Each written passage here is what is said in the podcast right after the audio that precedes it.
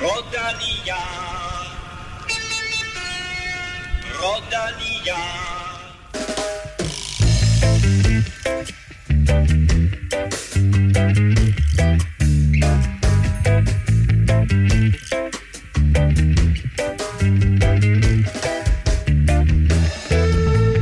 Tour de France 2020 fik den vildeste afslutning siden i hvert fald 1989, og den yngste vinder siden 1904.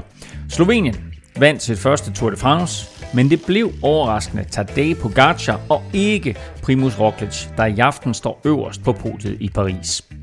Det taler vi meget mere om lige om lidt, men vi skal naturligvis også tale om Super Søren fra Strib, der for anden gang satte alt og alle og kørte alene over stregen som vinder af en Tour de France etape. Og dermed velkommen til mine to faste udbrudskonger, Kim Plesner og Stefan Djurhus. Tak. Kim, selv tak. Kim, fuldstændig vanvittig afslutning på årets Tour de France. Ja, jeg, øh, den, den havde jeg bare ikke set komme. Altså om du så havde givet mig uh, 1000 gæt til at sige, hvad der var sket der, så, så var et af de sidste gæt, jeg ville have brugt, i, det ville have været, at, at Pogacar han gik forbi Roglic på den der. Til gengæld så må vi sige, uh, Stefan, at uh, Søren Krav han blev ved med at imponere os. Ja, det er jo helt vildt. Altså, øh, jeg har jo også længe øh, prøvet at, at fortælle jer, og måske lytterne, hvor, hvor vild han egentlig er, og han, jeg har været så imponeret Du har over. bare ikke lyttet til dig.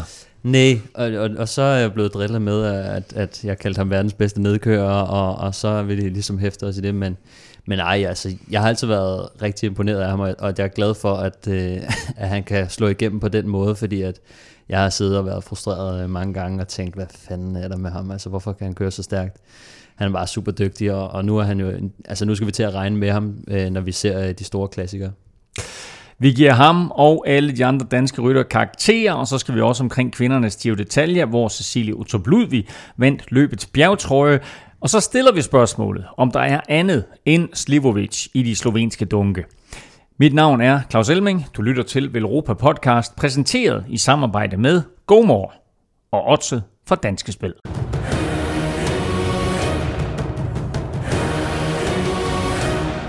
Den afsluttende etape på Champs-Élysées køres lige nu, altså mens vi optager, så den vender vi tilbage til i slutningen af udsendelsen. Og derfor lægger vi naturligvis ud med gårdsdagens helt igennem forrygende og historiske afgørelse på Tour de France 2020.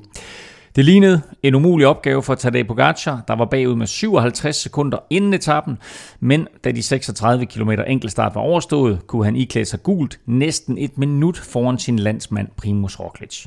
Kim og Stefan, hvad skete der lige der?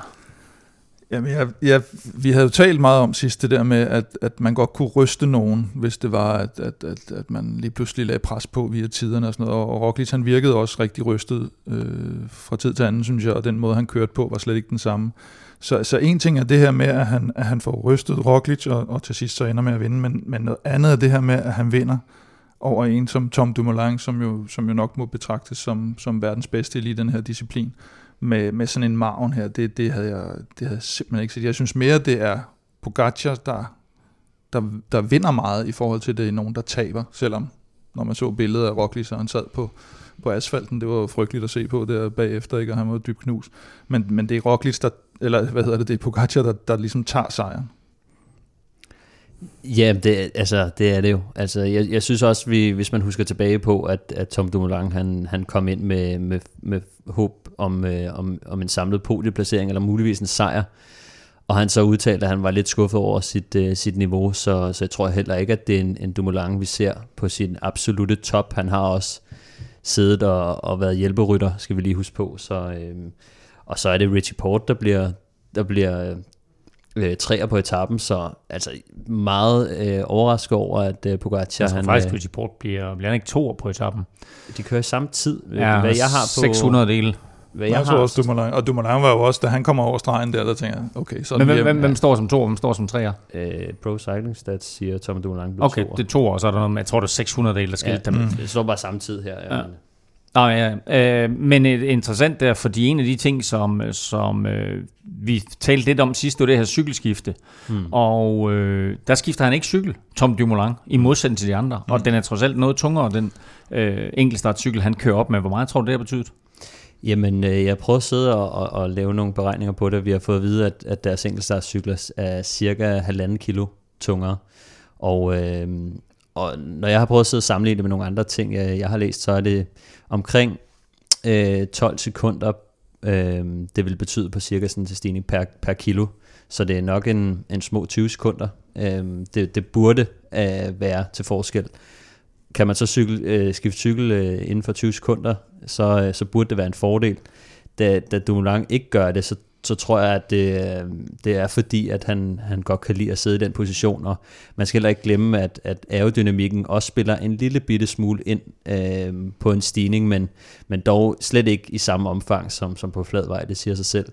Men, øh, men, men på Planche de Belfi, der kommer vi også op, den er 8,5 procent i, i gennemsnit, og så er aerodynamikken altså meget, meget langt nede. Mm. Men, men jeg tror bare, at Tom Dumoulin tager det sikre valg her. Øh, skipper cykelskiftet, han, han ved, hvad han har at gøre med, og det er nogle gange for de her perfektionister, så, øh, så kan det være rigtig nervepirrende at have sådan et cykelskifte i, i mm. baghovedet hele vejen. Øh, så, så jeg tror hellere, han vil holde sig selv ind i rytmen, og så bare skære den del ud af, af mm. tankerne, og så mm. bare køre øh, på den måde. Det, det tror jeg var det. Men jeg mener heller ikke, han skiftede cykel, ved, da han vandt VM i Bergen mm. i 2017 på en, en nærmest tilsvarende rute. Jeg mener, den var 5 km kortere, men også med den her en, en ret vild stigning til sidst. Og der, der sætter han jo altså Roglic med 57 sekunder og Froome med 1.21 på, på en tilsvarende rute. Der mener jeg også, at han kørte op. Så det kan være, at han ligesom har tænkt, gik meget godt dengang. Ja, jeg tror også, det, det handler bare om at få øh, tankerne clearet så meget som muligt, for det er ekstremt nervepirrende at, at køre sådan en enkelt start, specielt når der er så meget på spil. Øh, men, men, men det er virkelig... Øh, det er noget meget specielt, så, så, så lige at få faret alle de der ting af vejen, og, og hele det der stress, der kører op til en enkelt start, skal man heller ikke glemme øh, hvordan de skal have tjekket deres cykler, er de godkendt i forhold til mål og så videre, og der er mange gange, hvor at jeg har også prøvet det, hvor man skal op og have målt sin cykel øh, fem minutter før start, og så skal du lige pludselig have sænket eller rettet sadel til og sådan noget, og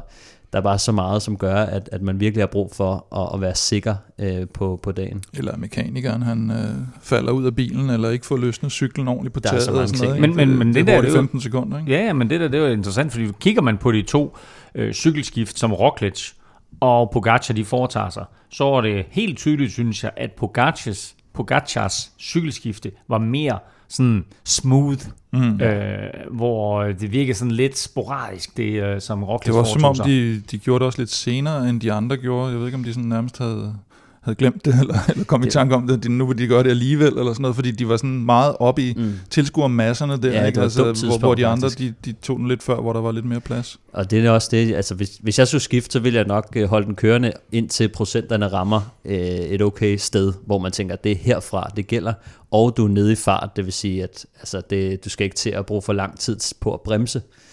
Øh, men, og det tror jeg er deres tankegang, at de kører op til det punkt, hvor, at det, hvor nu begynder stigningsprocenterne at ramme noget. Problemet er, at der står et hav af mennesker, og, øh, og det tror jeg blev sådan lidt forkrampet at se på faktisk, hvor at, at, at øh, Pogacar, øh, de havde jo forberedt sig på det her.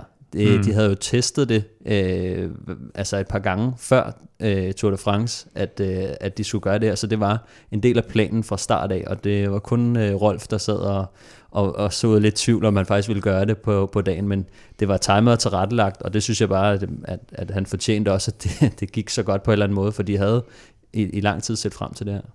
Og det var også, der var en, en lille ting, som jeg lagde mærke til, øh, og det var, at Pogacar, øh, har øh, en mekaniker eller hjælper, som tager cyklen ned øh, og giver ham den, mm. og tager, Rockle, eller tager hans cykel, og så er der en anden, der skubber ham i gang, mm. hvor det var den samme person, der ligesom skulle gøre mm. det hele for øh, Roglic, mm. og det virkede bare sådan, det kom til at virke lidt hektisk, og faktisk virkede det også som om, at han fik et skub i 6 sekunder, i modsætning til de der tilladte 5, fordi de var sådan lidt desperate, ikke kun Roglic, men nærmest hele holdet. Men det er jo, altså, det var jo stort set det eneste, de ikke havde planlagt ordentligt, uh, Jumbo Visma. De har haft udtaget turholdet fra næsten for et år siden, og alt har været timer tilrettelagt, og alt har været kørt fuldstændig smooth indtil den her sidste etape.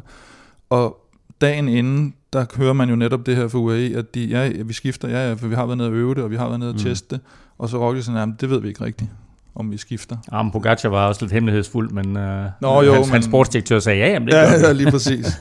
så det virkede som om, at de var bedre forberedt for en gang skyld der, end, uh, end deres konkurrenter for, for eneste gang i turen. En øh, enkelt start er kamp mod uret, og der er nærmest intet overladt til tilfældighederne.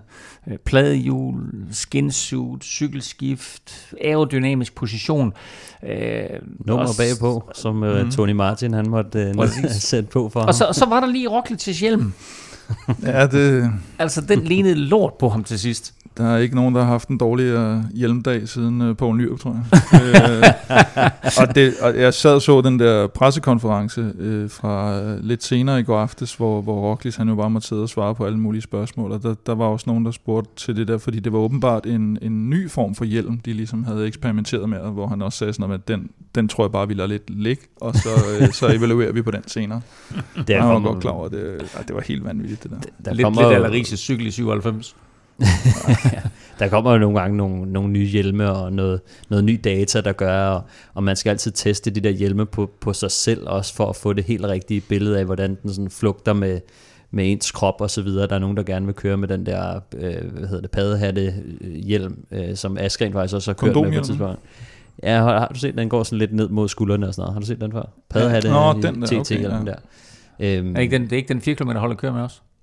Det har de også gjort, jo. jo Mm. jeg ved ikke om det, jeg ved ikke hvornår det lige gjorde det, om det var seneste gang, men øh, jo, de har i hvert fald også øh, haft den. Den har været der i lidt længere tid. Askren var måske en af de øh, tidlige på den, og så, øh, men, men det er så det er altså noget, som man lige skal have gennemtestet, før man øh, finder ud af det, også på 4 km holdet for eksempel. Øh, så handler det også om, hvordan den altså, bryder vind fra den næste og så videre. Øhm, men altså, det, det, det er også lidt tavligt faktisk med den her, de her enkeltstarthjelm, fordi hvad man ikke ved er, at den skal faktisk sidde sådan lidt mere om bag på Mm. hovedet, øh, for at den så flugter ordentligt med, med ryggen. Ikke? Ja. Så når man ser det lige på fra, så ligner man altid en idiot, fordi den, det ser ud som om, den sidder helt om i nakken. Øh, men det, det er altså sådan, den skal sidde, når man ligger nede i position. Men billedet af Roglic, der ja. kommer over stregen med, den, skævt, med, med, med, med, med den der hjelm der, der sidder helt trukket bagover, og hans svedige hår der udover, så det der fuldstændig udtryksløse blik i øjnene, det var jo, altså det er jo, det er jo nærmest, at det er nærmest mere billedet på den her tur, end Pogacars jubelscener. Ja, men det var, det var, ja, men det var sådan. Jeg synes også, jeg kan huske faktisk, uh, Victor Kampenart har man også set i sådan noget, Ja, hvor, det, hvor det det. ligner som om, at den sådan er, at som om at stroppen ligesom sidder for løst, ikke? så den bare sidder Ja, kastet ja. om i nakken på en. Men, men det er det jo. Men ja, det er rigtigt, det var frygteligt at se ham. Og det var frygteligt at se ham på cyklen også. Normalt sidder han jo der og bare spænder benene og, og kører i det her, og, og, og, og den her aerodynamiske position, og selv når han sidder i et felt eller op ad bakkerne, og, og der sidder han jo bare ned og, og det, det var noget juks, det han var i gang med der, og man kunne bare se, at han blev mere og mere presset, og han var sådan lidt, hvad skal jeg gøre? Og så rejser han sig op, og så hjælper det ikke, og så sætter han sig ned, og så hjælper det ikke, og så prøver han at voldtage cyklen nærmest, og det hjælper heller ikke. Så altså, du kommer bare ud i, og han får hele tiden de der minustider. Og, og de har ikke kunne, altså normalt kan du godt lyve lidt, og give lyvetider, ikke? Øh, hvor du lige siger, ja, men du har faktisk kun mistet 10 sekunder, og så har du virkelig mistet 20 ja. eller sådan Kæft, Men du kan-. Ja, men du, kan, men du kan heller ikke, så meget kan du heller ikke lyve, fordi så har han også sådan, hvis, når han kommer i mål, sådan, lidt, prøv at, altså, jeg kørte jo efter nogle helt forkerte tider, mm. Så, så, så det var ikke engang inden for, for, for, for lyvefeltet, det der. Hvad jeg også bliver mindet lidt om, når vi ser det her, det var, at, at vi snakkede jo om det der med Roglic, at man har det med at gå ned øh, og sådan noget. Ikke? Den, havde vi jo lidt, den krog havde vi jo lidt på ham, Mm. hvor jeg så også var ude og sige, at det er så meget har det været, hel- heller ikke været sket, det har været sket halvanden gang før. Og den halve der, det var jo i, i Tour de France i 2018, hvor han netop også går ned på den afgørende enkeltstart.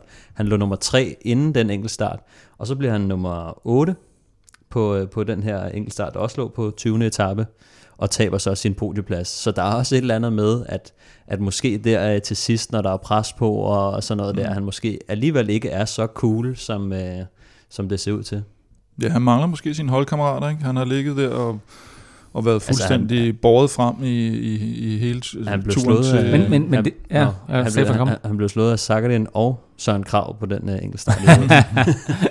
Nå, men Søren Krav kørte faktisk også en rigtig fin enkeltstart i går. Mm. Øh, men, men en god pointe det der, Kim, fordi hvis vi tænker tilbage på turen her, så er det måske ikke så overraskende, at, at Pogacar han vinder, fordi han er den eneste, der har taget tid på Roglic undervejs, han er den eneste, der har slået Roglic opad. Han har gjort det alene, mens Roglic jo netop har haft sit hold med sig hele vejen. Her der var det mano a mano, og der var Pogacar bare bedst. Jo, der er ikke nogen tvivl om, at hvis der var nogen, der skulle slå ham, så var det selvfølgelig ham. Jeg vil stadigvæk sige, at det, det, er, det er helt oppe i, øh, hvis vi tager andre sportsgrene, sådan noget med, med Miracle on Ice i, øh, hvornår var det, 80 eller 84 i ishockey og sådan noget. Ikke? Altså, jamen, det ved du ikke noget om, der var du Nej, ikke født. Nej, der er du for ung. Men, Men, øh, alle, men- alle, alle, der er født dengang, jeg kan huske det, de ved, hvor stort Ja. et mirakel det var. Øh, så, så, USA så, slår Rusland 4-3. I speedskating, 3-2, tror jeg. Eller hvad? Nå, i Ja, Sovjet. hed det vel dengang. 4-3 scorer Mike Arizona scorer det sidste mål. Ja, det er rigtigt. Nok om det. Ja. ja. det. Men øh, jo, og, og det er rigtigt, at Pogacar, han viste også, og det talte vi om øh, senest, at især i starten, der var han, han, der var han lige den der lille my bedre end, end Roglic, når de skulle afgøre det. Men det var sådan på de sidste 500 meter. Så fik han lov i gåsøjne at køre sammen med Landa og Port. Pudsigt nok dagen efter, at det lige præcis var dem, der havde tabt tid. Og der er jeg ikke sikker på, at de havde fået helt så meget snor, hvis ikke, øh, hvis ikke de havde, gjort, havde, havde tabt den der tid på sidevindsetappen. Men, øh, Men, men, men hvis vi lige holder fast i den. mm, Vi talte om på det tidspunkt, at de netop fik lov, fordi de havde tabt tid. ja, ja. Skulle Roglic, øh, mener han sad alene, eller, eller havde han en eller to med sig der, men skulle de ikke? Nej, han var alene der, Roglic. Ja, men det var der, hvor de ikke- var det lidt ikke der, vi, vi talte jo om, lod han dem køre, fordi det var sådan, de har tabt tid, og så ikke, ikke vil ofre sig selv, eller skulle han have sagt, nej, nu har jeg så meget tid, altså det er jo nemt at være bagklog, mm. men altså der, der, der, der kunne de jo have, have altså holdt dem i, i Jamen, jeg i mener også, det snor, var, kan man sige, var det ikke den etape, hvor, hvor Sepp Kuss også gik lidt ned, og han var en lille smule for sig selv, øh, også for, for en af de få gange, og det viser, det er måske nærmere der tendensen er, at, at han, han ikke er så god, når han ligesom skal, skal ordne tingene selv. Mm. Måske heller ikke taktisk, skal jeg gå med, skal jeg ikke gå med, og hvad, hvad skal jeg nu gøre i den her situation? Og der er du altså alene af gode grunde på en enkelt start, at du har din sportsdirektør i ørerne, ikke? Men, øh, men hvis lige pludselig det ikke føles rigtigt, og hvis lige pludselig tiderne ikke føles rigtigt, så, så, så går det op i... Så går det op var i Naut for, var, var Naut. han, også, Var Naut foran dig. Han er, ja, han heller var ikke, langt foran i hvert fald. han er heller ikke den der erfarenhed i forhold til, og, og hvordan han sådan, jeg ved godt, han har været, han har været professionel cykelrytter i nogle år, og han har vundet nogle cykelløb, mm-hmm. det er fint nok, men, men han har altid bare været den der dominerende faktor, der bare har kørt alle i sønder sammen, og der, det lærer man ikke så meget taktisk af. Altså, Nej, han kører meget på samme måde. det er, det er den samme måde, og han kører pisse stærkt, men, men det er altså ikke, han har ikke den samme snille som en Nibali, eller mm. altså nogle af de der sådan virkelig gode taktikere. Så, så jeg tror også, at, at, at den der etape, hvad hedder det, var det 8. etape til Lundville, Mm. øhm, der, der bliver han jo udfordret, fordi at, at han sidder lige pludselig og skal lukke nogle angreb, og så bliver han nødt til at tage et valg, og, og så det kunne have været hvem som helst, der var sluppet afsted. Desværre var det en, en Ja, stærk er det- kørende Pogacar. Og så er, det, altså, så er han jo en frygtelig en at være udfordret af på Gacha, ikke? Altså, fordi Ja. han kører bare. Også fordi Og han har, så når han først kører, så kører han jo Han bare kører bare til, og om han så døde halvvejs op, så vil Ja, ja, han køre ind til da. Og, og der igen, hvis du sammenligner med Nibali, eller en Contador, eller en Froome, eller dem, de var jo meget ved at, mere trygge ved den her situation, ved at føre. Fordi mm. det var de vant til. Det, de havde været i de der situationer før. Så de så jo ligesom en styrke i at have trøjen og komme til sidst, og var Mm. komfortable i den der situation med, og vidste, okay, hvis bare jeg er her, og hvis bare jeg skal forsvare mig, så skal jeg nok klare det. Mm. Men, øh, men hvor Roglic, han jo, han jo ikke sådan er super vant til at være i, i de der situationer, og, og derfor så bliver han nok lige lidt mere presset i en, i en, i en Tour de France. Jeg sagde i starten, at det her det var den vildeste afslutning siden 1989. Det var som bekendt uh, Le Mans sejr på 8 sekunder over Fignon. Uh, også efter en enkelt start jo, men vel at mærke på 21. etape uh, til Paris. Hvor kommer Pogacars sejr ind sådan i uh, historisk perspektiv? Jamen, jeg har prøvet sådan, jeg har ikke gået fuldstændig ned og, og simpelthen øh, øh, tæsket alle øh, Grand Tours igennem, men bare sådan fra toppen af hovedet i, i, i det, vi vil kan kalde nyere tid. Og nyere tid, det bliver så defineret fra 89 og frem efter, fordi det er der, vi, vi ligesom har vores benchmark. Det er min, Så, det er min øh, quiz, striking distance. så, er der, så er der sådan tre, der i hvert fald øh, i, i min hukommelse står ud. Det er selvfølgelig øh, Floyd Landis øh, vanvidscomeback i 2006 i Tour de France, hvor han, øh, hvor han tager 5.42 på Sastre, efter at være gået ned dagen før. Øh, så har vi Alberto Contadors, øh, skal vi kalde det, overraskelsesangreb eller kup på Joaquin Rodriguez i 2012, hvor Rodriguez har haft føretrøjen i hvad, 10 dage, og, det, og han var et Det var minutter foran. Det var og en sådan noget. Og etappen var ikke, altså is- især ikke sådan ude på ruten var etappen ikke særlig hård, men, men øh, der var selvfølgelig en stigning til sidst, men der vidste Rodriguez, at han kunne kontrollere det, for det han gjort på alle de andre. Men så angriber Contador bare langt, langt udefra, og, og mm. blandt andet kommer op til, at det Tia Longo, hans tidligere holdkammerat, så lige giver en hånd med, og sådan en rigtig øh, gennemført angreb, som, som, som virkelig blev kuppet. Og så selvfølgelig øh, Chris Froomes øh, åndssvage comeback på Finestre-etappen i øh, 19. etape i Giro 2018. Og der sætter han altså Carapaz, Pinot, Lopez og Dumoulin med mere end 3 minutter med et angreb 70 km udefra. Hvad, hvad var det? Det var den der berømte med de 12, hvad var den hed? Feeding... Fuel strategy. Fuel Fuel strategy. var den.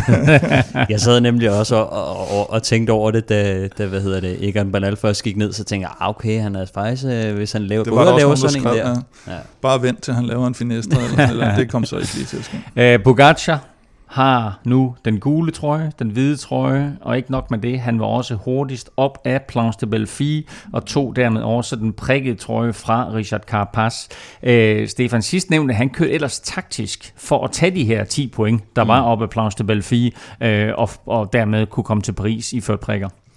Ja, altså Carapaz, han, øh, nu, nu var der jo den her med, at, at bjergpointene blev uddelt til den, der var hurtigst op af, fra bund til top af Planche de Belfi, så, så det betød jo, at uh, Richard Carapaz, han, uh, han skulle uh, køre lidt piano hen til, hen til foden, og så bare uh, skyde den op uh, og se, det om han ikke kunne... at det betyder sådan, tage det stille og roligt. Piano, ja, det er jo bare sådan et cykeludtryk for, for, for blødt langsomt. uh, og, uh, og det prøvede han så på, og øh, det, gik, det gik så overhovedet ikke, fordi at øh, Pogacar og faktisk alle øh, dem, som stort set øh, samme top 5, som der er, det kørte også hurtigst på, på Plains de Belfi, uden sådan helt at, at krydstjekke den.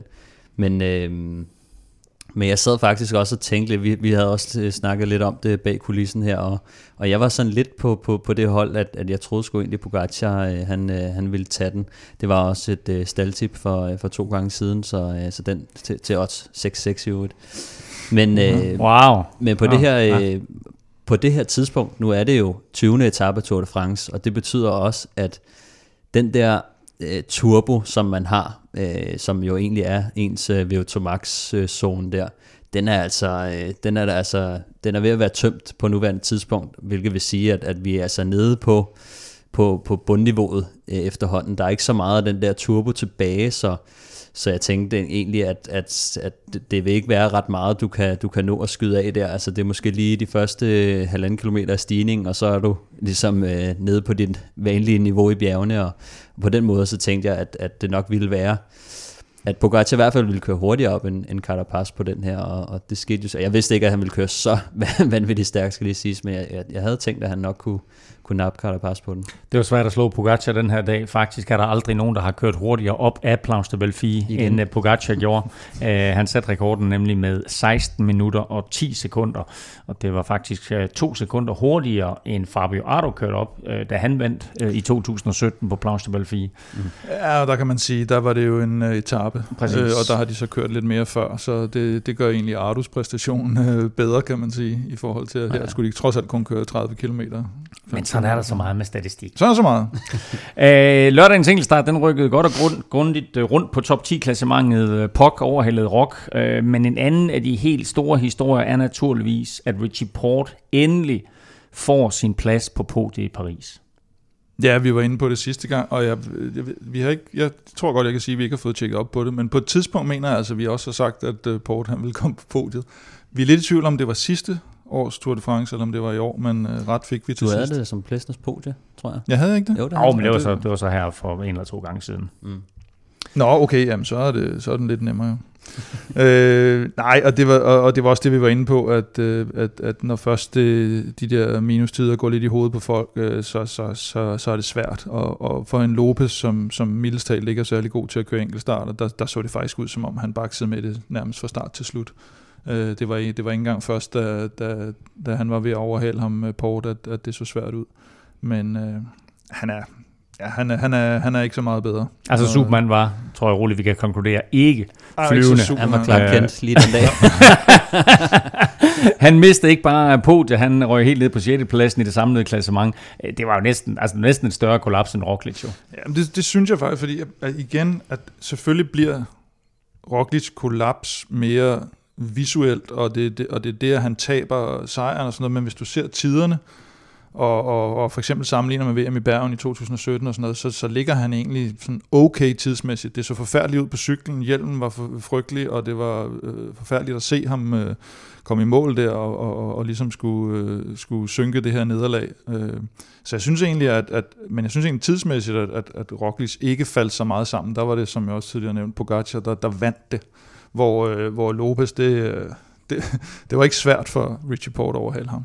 Ah, men altså, det hører så med til historien også, som du sagde øh, tidligere, Stefan, at Richie Port kørte en uh, fuldstændig vanvittig forrygende enkeltstart og blev nummer tre, kun slået med ganske få hundreddel uh, af uh, Tom Dumoulin. Uh, en anden, der kørte en flot enkeltstart, det var Damiano Caruso. Uh, han uh, kørte faktisk så stærkt, at han kørte sig selv ind i top 10 og uh, smed Valverde ud af top 10, og det er jo synes jeg, næsten synd for den gamle mand.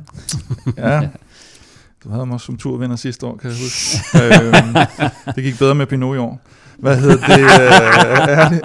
Ej, jeg, jeg, jeg har sådan lidt, altså, jeg synes faktisk, at jo, det var fint, da Henrik Mars han, øh, han, han beviste, at, øh, at der er noget at komme efter os i fremtiden, og fik kørt så godt op i klassementet. Ja, der var du også lige et år eller to for sent på den, ikke? Ja, det er rigtigt. Men, øh, men øh, Valverde, der ligger sådan og, og, og, og kæmper for at køre en, en 9., 10., 11. plads hjem, og de satser så meget på holdkonkurrencen og sådan noget. Jeg synes, det er lidt ærgerligt, når, når du har en rytter som Valverde, som jo i en, i en fri rolle vil kunne skabe noget rigtig godt vedløb og, og gå ud og tage en etape måske og angribe med en Alaphilippe eller mm. en Carapaz i bjergene, så synes jeg egentlig, at han har jo været fuldstændig anonym, stort set i hele... Men nu skal han så være kaptajn øh, for Spanien til VM, så det kan være, det er det, han har kørt og trænet til. Det er det jo nok højst synligt. Jeg havde også personligt øh, hellere set ham øh, smide øh, 20 minutter på en flad etape, mm. hvor holdkonkurrencen ikke betyder noget, og så gå ud og tage nogle etappesejre, og så sidde med derfra måske. Øh, fordi så havde han haft fri mulighed for at, mm. for at angribe lidt mere, i, i stedet for, altså hvad betyder det her resultat for ham? Er ikke en skid i virkeligheden. Nej, det betyder mere for Movistar som Men hold, som, du, som du siger, måske er det noget øh, spansk øh, VM og, og, mm. og noget, han, han, han ser frem til. Inden Pogacar, han kom over stregen som sikker vinder. Der førte Jumbo-duoen øh, Dumoulin og Fanart etappen. Og Kim, øh, der skrev du til mig, at øh, Fanart vil vinde turen til næste år. øh, hvad er status på det? Ja, altså jeg vil sige, øh, hvis, hvis han får lov at køre som kaptajn, og øh, Evenpol og Pogacar de bliver hjemme, så, øh, så ser det faktisk lovende ud. Sådan. Hvad med Egan Bernal? Ja, om han er færdig. Ja. Ej, men, synes, men altså apropos, fordi de her, ja, undskyld, du Jamen jeg synes, at altså, hvis du ser på, hvordan, altså, hvis du ser på, hvor mange kræfter han har brugt, og hvor lang tid han taget med i bjergene, og så, så kan man jo godt få den tanke, at tænke, tænk, hvad det kunne være blevet til, hvis han bare havde kørt fuld gas for klassementet. Hvad bliver han nummer 17-18 stykker ja, eller sådan noget ja, i, i klassementet, i hvert fald. som hjælperytter, og vinder lige et par massespurter undervejs, så vinder måske en senere i dag, det ved vi ikke endnu. Øh, det, altså, det var, øh, ja, det, det er, det er også vanvittigt, det han har lavet i hvert fald. Ja, han blev 20'er samlet. Men, øh, har du, har du, den har du ja, ja, ja. Men øh, altså, det kræver selvfølgelig også et, et stort rebuild af ham som rytter. Øh, fordi jeg, jeg ved godt, at han kører så, så stærkt. Men det er, det er rigtig svært at ramme den, lige den form, og hvis han så også lige øh, skal holde sig inde i, øh, altså det, der er forskel på at køre max ned i bunden, og så smide nogle rytter, og så har alligevel kæmpet sig sådan forholdsvis godt. Øh, ja, også nogle gange kørt han til lidt længere end bunden, synes jeg. Jo, altså, men, den, altså han, er, ja. han bliver nummer 20 og en, ja, ja. Time, og en time og 20 øh, efter i det samlede mm. klassement, så det er jo ikke, sådan lige, hvor man siger, at han er der næsten. øh, en, en mand, der vejer 78 kilo, han skal nok barbere sig ned til, til 72, og så er han altså en lidt anden øh, ryttertype, mm. der ikke har så meget power, så jeg vil også være lidt, sådan lidt bange for at ændre øh, sådan en mand for meget, men når man ser det, man ser i år, så tænker man jo, altså hvis han bare havde prøvet og, og måske lige kommet 3 kilo lettere, øh, hvad kunne du så ikke være blevet til? Men, mm. Så har de nok vundet holdkonkurrencen. Ja, men så, altså, så, så, så de kommet på podiet på Jeg kan huske, vi snakkede også om det der en gang med, med Fabian Cancellara, der sagde, at, at hans store drøm var at vinde Tour de France, og, og altså, han var jo også engang i en position, hvor man tænkte, okay, altså, hvad er muligt ja, med ham? Ja, Costa har også sagt det, efter han vandt Schweiz rundt tre gange. Ikke? Men, ja. Og det er rigtigt, der har været mange af de der. Jeg synes bare, altså jeg har sgu aldrig set noget som det her med, med Wout van Aert, så, så hvis der er nogen, der skulle kunne lave den transformation, så, øh, så må det næsten være ham. Ja. Men altså, Wout van Aert, Bernal, øh, Pogacar, Remco, øh, Søren Krav med flere, øh, det er noget af en ungdomsrevolution, der er i gang lige nu. Jamen, jeg sad og tjekkede etaperne, og så tænkte jeg, det er sgu egentlig mange unge rytter, der har vundet etaperne, og så gik jeg ned på første etape, og så er det Christoph. og så sådan lidt meget, okay, og Caleb Ewan, og, og hvad de ellers hedder, eller Philippe, og sådan nogen, der vandt de første, og sådan, ja, okay, den holder måske ikke stik, men hvis du tager sådan fra omkring øh, uge 2 og 3 der, så var det jo de her, øh, øh, dem du har nævnt, og så også, øh, hvad hedder de, øh, Danny Martinez, øh, Lennart Kemna, øh, Mark Hirschi, øh, der, der, har, der har domineret løbet og, og vundet nogle etaper. Carapaz er jo heller ikke super gammel stadigvæk, men øh, og det, det synes jeg egentlig, at, øh, at det generationsskifte, som, øh, som Banal han lidt indvarslede sidste år, det, det er bare slået endnu mere igennem i år. Hvorfor er det, øh, Stefan, at vi ser de her unge ryttere komme frem øh, i en tidligere alder? Hvorfor er det blevet nemmere for dem at slå igennem tidligere, end det var før? Øh, jamen, det er jo selvfølgelig svært at, at vide, men meget af det er jo genetisk også, tror jeg. Altså, hvilken rytter er det, vi taler om sammensætning af, af lungekapacitet og, og alle mulige naturlige ting, men jeg tror også, at, at træningsmetoderne er blevet meget mere moderne, og de, de, øh, altså, de muligheder, som, som de unge rytter øh, har til rådighed, at de kan faktisk være bundseriøse cykelrytter i en alder af 14-15 år, det gør altså, at de får et lille forspring i forhold til øh, dem, som vi tidligere har set med... Øh, ja, altså hvis vi bare tager sådan Brian Holm og, og nogle af de andre, altså det, øh, nogle af de andre professionelle, de har alligevel tosset lidt rundt, indtil de blev en, øh, hvad hedder det, en, en 19-20 år, før de sådan for alvor begyndte at blive seriøse og professionelle. Så, så jeg tror bare, det er en, en meget øget professionalisme og, og viden omkring det hele. Øh, og så er der også den Lyse. altså der jeg tror på, at der er mindre doping i dag, end der var engang, hvor at, øh, det, det ofte var sådan, og nu er det måske et lidt stereotypt billede, men, men det var ofte sådan, at man kom ind som, som stort øh, nyt, frisk talent, og så fik man en ordentlig en på, hmm. på hatten i ja. sit øh, debutår, og så var man helt nede og skrabe øh, kulkælderen, og så øh, blev du samlet op af en, Fuentes. Øh, ja, men så ja, en, en holdlæge eller et eller andet, som sagde, jamen prøv at høre, altså, det er ikke sundt for dig at være banket så langt ned, du må nok hellere lige, og, mm. og så finder man ud af, sådan, at alle de andre gør det, og, og, og, og hvor mange tæv, så har du lyst til at, at tage tilbage og, og være murer, eller, øh, eller har du lyst til at fortsætte festen her? Så jeg tror, at, at, at, at mange gange, at, at det har været den måde, så og sådan der med doping, så er det jo også sådan, at det handler ikke bare om at tage en sprøjte, og så flyver du derfra. Altså det er også noget, som, som tager noget tid at bygge op i forhold til testosteron og væksthormon. Nu er jeg ikke selv øh, ekspert i, i sagen, men, ja. men det kræver lidt at, at bygge en, en, en, en sådan krop op. Øh, så, så, så jeg tror ofte, at, at, at det har været den øh, metode, hvor at, at der er måske blevet renset en lille smule ud i den der øh, sådan gammeldags øh, dopingtilgang, så, så derfor så, så gør det, at, at den top som der var før, den er altså lige blevet flad, øh, flad lidt ud, og, og det åbner så øh, lidt plads til, til nogle flere unge ryttere. I hvert fald øh, en af de øh, helt store historier ved det her Tour de France, det var nemlig mængden af, af unge ryttere, øh, der vandt en etape eller, eller gjorde det godt i det hele taget. Pogacar er en af dem. Han vandt enkeltstarten med vanvittig 1.21 ned til Dumoulin og Richie Port, yderligere 10 sekunder til øh, Wout van Aert, og som sagt altså hele 1.56 foran Roglic på femtepladsen. Søren Krav han blev nummer 16, små 4 minutter efter Pogacar. Og dermed så står det altså klart, at Pogacar 7-9-13, husk at øh, 21. etape stadig er i gang, øh, vinder Tour de France, mens en øh, skuffet Roglic kun bliver nummer to, men til gengæld med en meget, meget glad Richie Port som sidste mand på podiet. Vi skal tale 19. etape og Super Søren lige om lidt, men først lige et godt tilbud til dig fra vores turpartner GoMore.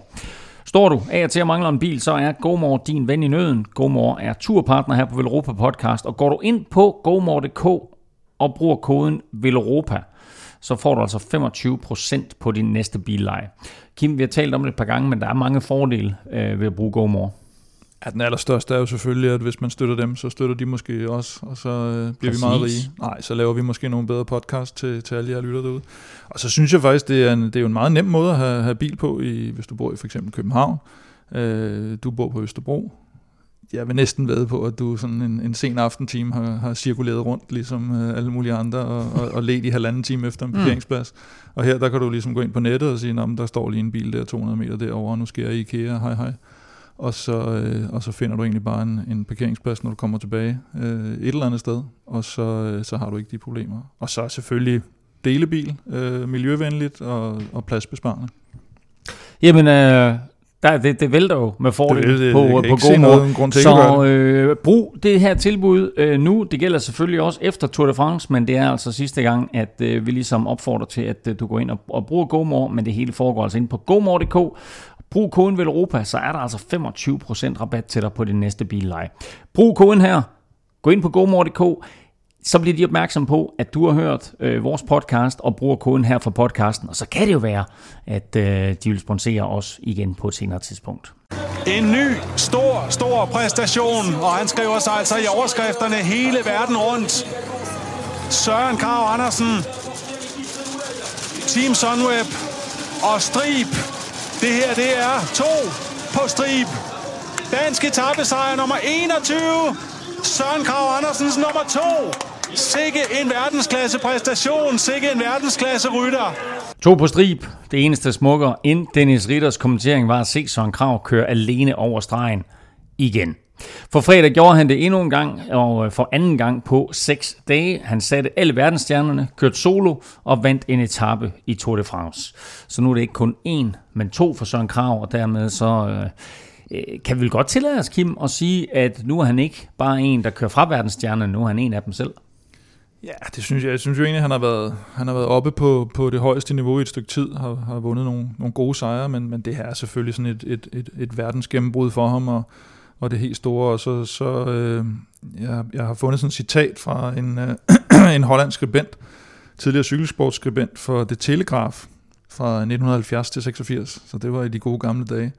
Han skrev øh, faktisk øh, i sådan en klumme, hvor overskriften var Bedste Søren, hed øh, overskriften, og så skriver han, Giv ikke denne krav Andersen 100 meter, hvis du vil se ham igen. Det her var en 14 km lang demonstration af ren klasse. Og det, øh, det beskriver det vel egentlig meget godt, synes jeg. Altså, der var øh, altså flere andre internationale medier, som også bare roste Søren Krav øh, til skyerne for den her øh, præstation. Øh, 19. etape var på 160 km fra Bourg-en-Bresse til øh, Champagnol. Øh, en gruppe med Sagan, Trentin, Sam Bennett og naturligvis øh, Søren Krav, de slap afsted med sådan cirka 30 km igen, og så snød Søren dem alle. Altså, Stefan, hvordan gør han det her? Jamen Søren, han er, øh, han er bare rigtig god til at, til at køre cykelløb og, og læse, øh, hvad der, der foregår, og han holdt sig til, til de rette personer, som, som gerne ville afsted på, på dagen. Og så, øh, så kunne han ligesom lukrere lidt på den her battle, der var mellem selvfølgelig Sagan og Bennett om den grønne trøje, og, og, og der var selvfølgelig også en, en Trentin, som, som faktisk også angreb lige før Søren. Og, og der er det bare Søren, han finder det her øh, moment, hvor at selvfølgelig er det enormt hårdt, øh, men, øh, men det er altså et godt tidspunkt, hvor at de lige har sat efter øh, Trentin, og det har været rigtig hårdt øh, cykelløb lige op til. Og så, øh, så er det også et moment, hvor at det er sådan lidt en bølget vej, der går lidt ned igennem en skov, og, øh, og der, der er 15 km igen, det vil sige, at du er ikke helt, altså det, det er sådan, okay, folk er begyndt at være sådan lidt omkring, øh, omkring skal de køre den ind til en spurt, eller det er lidt for langt, og sådan. Så det var et, et, et godt moment at, at rykke på, og øh, han sniger sig bare afsted, og... Øh, sniger og sniger. jo, men det, mip, mip. det synes jeg, det var, fordi at, at det er ikke sådan et, øh, det er ikke sådan virkelig et high alert øh, sted, hvor at man kan sige, hvis de rammer en bakke for eksempel, så sidder alle og kigger sig over skulderen, nu kommer der et angreb, og, og det gør man ikke på samme måde her. Så, øh, så det, jeg synes bare, det var, det var ekstremt godt, og jeg tror også, det som, det som Søren er god til, det er nemlig at, at komme med sådan et overraskelsesangreb, hvor at, at, og det er også en vigtig ting, som man måske ikke ser på tv, det er, at, at man kan godt se mange gange, når ryttere er ved at lægge an til et angreb. Og øh, det har jeg altid været meget bevidst omkring, og været, altid været god til at læse. Man kan lige se, hvordan folk de ligesom søger lidt ud, og hvordan de lige skifter gear, eller sådan, hvordan de bevæger sig på i, i gruppen, øh, at de har tænkt sig at angribe. Og der er Søren altså bare, han, han, han, han, han, han, han viser ikke rigtigt, at han skal til at angribe, så, så derfor så har han, har han altså mulighed for at, at overraske lidt, så altså, der, der skal også mere til end bare at finde momentet. Man skal også have øh, et rigtig godt øh, punch. Altså det, det er langt de fleste, der Søren han angriber, der er det så bare øh, Greg van Avermaet og, og, og alle de andre drenge, der sidder og kigger på, mens han, øh, mens han kører. Hvis de virkelig havde øh, øh overskuddet, så, øh, så havde de nok også øh, kørt efter. Og det var også derfor, han sagde jo faktisk efterfølgende, Søren, at, at øh, selvom øh, den første sejr selvfølgelig nok sådan øh, historisk set også for, for ham selv øh, er den største, så var det her den, han satte mest pris på, fordi han kørte fra alle de der store kanoner, og han holdt dem øh, på afstand i 15 km, og viste, sagde han også selv, øh, at det var ham, der var stærkest på dagen. Øh, men Kim, du skrev til mig, at du egentlig synes, at han minder meget om Rolf Sørensen. Jeg synes, jeg minder helt ufattelig meget om Rolf Sørensen. og jeg kan huske, jeg for, jeg tror det er fem år siden, jeg skulle interviewe Søren til et uh, cykelmagasin, og uh, stillede ham det første spørgsmål, og så efter han havde, han havde svaret det første svar, så tænkte jeg bare, det der, det lyder som sådan en, en ny Rolf Sørensen. Altså uagtet, altså det var bare måden, han sådan omtalte sine egne chancer på, og sine egne, det var fuldstændig som, øh, som, at, som at høre Rolf dengang, han, øh, han kørte, øh, kørte cykelløb. Og så har du en rytter, der er god på enkeltstarterne. Han læser løbet rigtig godt. Han er hur- relativt hurtig på stregen. Han er god i bjergene, bakkerne, men ikke alt for god, altså når det går alt for vanvittigt opad. Og, øh, og så han jo en, en, har han den her mental, den mentale styrke, som Rolf også havde, øh, at når han sidder øh, et sted, og når han har sat sig noget for, så vinder han ofte. Øh, og, og den der med at gå i boks, og det der med, at han ikke øh, kan noget, altså jeg ved ikke, om jeg har fortalt historien før med, med Susanne Rolfs kone der, der også sagde, at når, altså, hvis telefonen ringede om onsdagen, og Rolf skulle køre løb om søndagen, så flippede han fuldstændig ud selvom det ikke var nogen, der ringede til ham. Ja. så, og, og det er det samme med Søren, ikke? Hvis du vil have fat i ham, når han er gået i boks, så kan du glemme det. Sådan, sådan han der, er trods alt flink nok lige til at svare, jeg er gået i boks. der, der er også, altså nu, nu taler vi om, om mental styrke, men, men den lille øh, ting, der er med Søren, er jo, at han før i tiden har haft de der momenter, hvor at han fuldstændig koks oven i hovedet, hvor at den bare øh, blanker, hvor han hvor at løbet bliver for hårdt, eller der, han bliver måske sådan lidt sat et eller andet sted, og så stopper han bare. Altså, jeg, har, jeg tror, jeg har nævnt det før, men jeg kan huske, at jeg kørte ja. et cykelløb med ham en gang, hvor at vi sidder i den her finalegruppe, og så kører han afsted sammen med, jeg tror det er Jonas Åen og Mads Christensen. Øh, og øh, det er ude på, det er i Hammel, og på Pøt Mølle, der bliver han altså sat på den her stigning. Og vi, jeg kommer så ind i en seksmandsgruppe, sådan lige kort efter, og der ser vi bare Søren. Han har bare parkeret den inde i siden på den her bakke, fordi nu gider han ikke mere. Mm.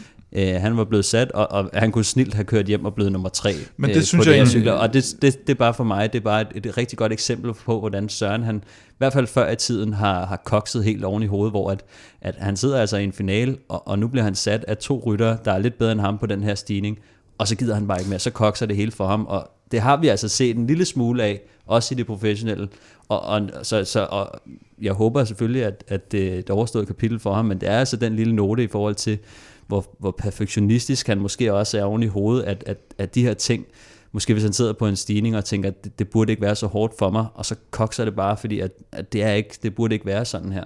Men er det ikke også noget med, at han, at han har den her, hvis ikke jeg vinder, så er det også, altså jeg gider ikke at køre efter en 6. plads, eller jeg gider ikke, altså for ham der er det sejren, der tæller. Ja, det tror jeg, det har du helt klart også ret i, og der er noget perfektionistisk øh, i ham også, helt klart. Mm. Øh, men, men nogle gange taler du øh, Flandern rundt, øh, Paris-Roubaix og nogle af de allerstørste løb, der ved vi også bare, at det handler, det er op- og nedtur hele dagen mm, igennem, mm. og, og der, der skal man altså have noget, øh, noget mentalt overskud øh, til at komme igennem sådan et langt cykelløb, hvor du har to punkteringer eller et styrt undervejs, så skal kæmpe dig tilbage igen og sådan noget. Og, og den, den øh, selvom... Og det har han ikke bevist endnu. Der var sammen synes, i Strate, var der også noget med, at jeg havde lige en uheldig punktering, og så var han ja. ude.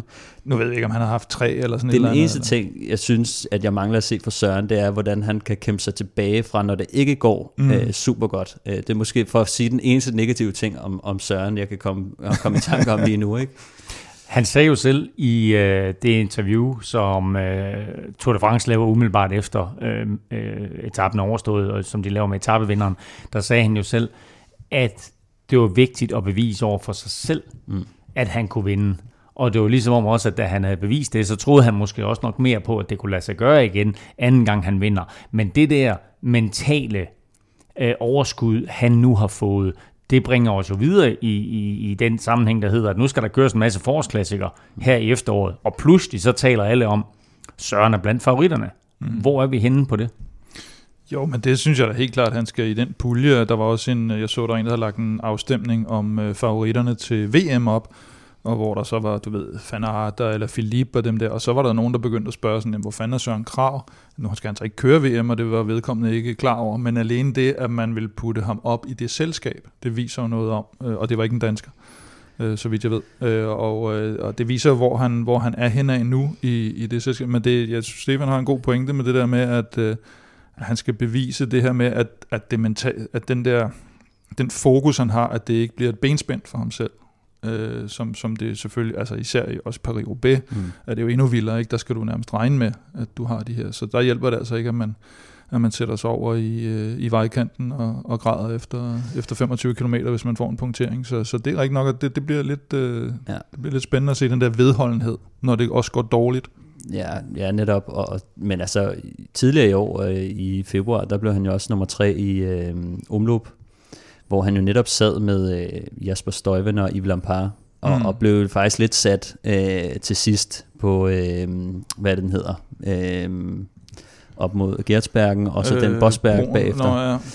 Øhm, hvor han egentlig alligevel fik kom, kom med et lidt et lille angreb, som, som jo dog ikke øh, blev til noget, men, men, men jeg synes, at vi begynder at se ham nærme sig det niveau, og specielt med, med det her Tour de France øh, og, og hans etabsejr i øh, Paris, Paris-Nice, at han faktisk har, har lagt lidt på, og, og, og, og så håber jeg, at den her, de her sejre, de har givet ham noget selvtillid. Vi så også på, på den her etape, han vinder, hvor han skriger, how much time, og sådan noget, mm. fordi han faktisk er nervøs for, og, og kan måske ikke rigtig tro på, at, at nu er jeg på vej til en etabsejr mm. igen, og det, det er nogle gange det, der sker, man bliver sådan over, øh, overtænker tingene, og tænker, ej, men der må være, måske er der to rytter, der gemmer sig bag motorcyklen hernede bagved, øh, mm. og, og man kigger sig lidt over skulderen, og så kan man se et eller andet mærkeligt og sådan noget. Så den, den der tvivl tror jeg også, at... Jamen, jeg tror også, at hvis du sidder i et udbud med Sagan og Trentin og, ja. og Bennett med flere, og du så får at vide, du et minut foran, så tænker du også, der er et eller galt. Hvis du ikke er vant til at vinde de der store cykelløb, mm. så vil du altid sidde med den der tanke om, at, at det kan ikke passe, der, må, der kommer nogen lige om lidt, og så, øh, og så sidder jeg, så, så bliver jeg nummer 10, som jeg plejer-agtigt. Altså sådan, der er lidt sådan, sådan indtil man nu, nu ved han, nu har jeg gjort det et par gange, så vil der være en lidt anden øh, tilgang til det. Jeg tror, i forhold til det med klassikerne, skal man også lige huske på, at, at netop øh, Flanderne rundt der på Rio B, der er der jo altså mange ryttere, der kører dem øh, rigtig, rigtig mange år. Matthew Heyman, et meget godt eksempel, men måske ikke så grad, men, men også en Rolf Sørensen, der vinder det i 97, som jo er sådan øh, relativt sent i hans karriere. Øh, du skal bare køre det ekstremt mange gange for at også finde ud af det der med, med, med løbets dynamik, og det der med mm. netop, at du kan godt komme tilbage, eller hvor mm. er det, du skal passe på. Det er kun sådan nogle typer som Tom Bone, der blev været træer i sin debut, og Mads P. og Askren og sådan nogle altså, sjovt, store du motorer. Sjovt, du siger det, fordi jeg kan huske, jeg så en eller anden oversigt over, hvad, hvad var det sværeste løb at vinde, baseret på, hvor mange gange man skulle køre løbet, inden før man vinder. Og der var gennemsnittet på Flandern og Paris-Roubaix ret tæt. Det var omkring seks gange, man skulle mm. have kørt cykelløbet, før man vandt det i gennemsnit. Ikke? Så, så det siger også lidt om, øh, hvor svært det er at, at skille sig ud i sådan et cykelløb. Vi glæder os i hvert fald øh, rigtig meget til efteråret øh, og, og se, øh, hvad Søren med, med flere, øh, vi har jo mange danskere efterhånden, som, øh, som kommer ud af det her Tour de France i rigtig, rigtig god form og forhåbentlig blander sig i topstriden i, i de her forårsklassikere i efteråret. Øh, det her har været Tour de France, der har været domineret af slovenske ryttere, men en enkelt slovener er ikke glad. Ved I hvem? Primoz Roglic er ikke så glad. Nej, han, det, det, det er rigtigt. Han er heller ikke skide glad. det er, hvem er der ellers? Mohodic? Kender vi nogen uh, slovener? Mohodic? Ja. Jan Tratnik er også Nej, jeg ved det ikke. Luka Meskets. Ja, det er rigtigt. Nå, fordi ja. han vinder to massespurter ja. i år. Mm. Eneste problem er, at Søren Krav, han er krydset stregen før ham. det er rigtigt. Så øh, han slår altså Tagan, og han slår Trentin, og han ja, slår ja. Bennett og så videre, som selvfølgelig også ligger og passer lidt på hinanden. Ikke? Men, øh, men Meskits der ikke, altså han kan bare sige, hvis det ikke havde været for Søren Krav, så er jeg kommet over stregen to gange først i år. Med sin sejr, der kom Søren Krav Andersen i fornemt selskab, da han nu sammen med Bjørn Ries og Michael Rasmussen er i den eksklusive klub af danske ryttere, der har vundet to etapper i samme Tour de France. Vi er efterhånden øh, tre kvarter ind i udsendelsen, og øh, vi har slet ikke fået sat quizzen i gang, så det skal vi naturligvis. og øh, det er jo altså, øh, det her det er jo næsten øh, Roglic og Pogacar i direkte udfordring. Det står 23-23, det er helt lige, hvem kommer bedst ud af Tour de France. Det finder vi ud af øh, sidst i udsendelsen. Dagens quizspørgsmål øh, kan faktisk vise sig sidst i udsendelsen ikke længere at være korrekt. Åh, oh, Gud. Nej, det kort lang er, at øh, hvis Mads Pedersen han vinder, så er dagens quizspørgsmål faktisk ikke korrekt. Øh, fordi der er lige nu to ryttere i historien, der har vundet på Champs-Élysées, iført VM-trøjen. Hvem er de to ryttere? Og er der, der er tre, hvis Mads han vinder i dag. Men lige nu er der altså historisk set kun to. Så hvem er de to ryttere, der har vundet på Champs-Élysées i regnbuestriberne? Mm. Spørgsmålet er forholdsvis simpelt, er det forstået? Ja, yep. spørgsmålet er forstået. Ja. Jeg har kun én ting til jer to, og alle jer, der sidder og lytter med. Lad nu være med at google. Mens rytterne i Paris altså nærmer sig målstregen for sidste gang, så sluttede kvindernes Giro d'Italia i går lørdag, og det blev en øh, afslutning med blandede følelser for danske Cecilie Utrup Ludvig. Der er godt nok to bjerget, øh, bjerget, der er godt nok to løbets bjergetrøje, men missede podiet med blot to sekunder, Stefan.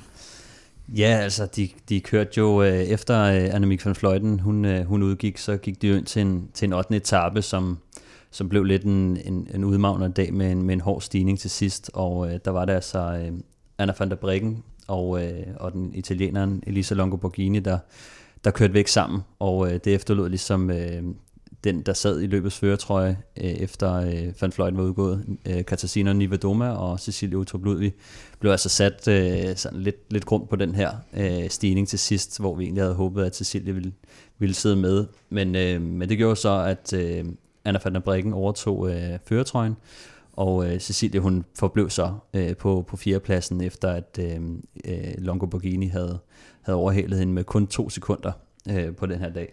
Og det læser op til, til en sidste dag, hvor de også skulle, skulle slutte på en, på en stigning, hvor at, øh, der var et, et udbrud, der kørte hjem, og øh, en pige med, med det sjove navn Evita Musik, hun vandt. Og, øh, det er faktisk et sjovt navn. og øh, ja, jeg troede, det var en eller anden kunstner, da jeg så det på, øh, på Instagram, men, øh, men nej, Jamen, det kan være, fordi hun hedder musik til efternavn, og så er blevet døbt i Vita af en årsag. Ikke? Ja. og så, øh, men, men det blev faktisk meget spændende, fordi Cecilia prøvede selvfølgelig at, at nappe de her to sekunder, men øh, så, så det blev lidt et parløb mellem øh, Longo Borghini og Cecilia, men, øh, men det blev desværre Longo Borghini, der, der akkurat øh, tog øh, Cecilia på, på stregen.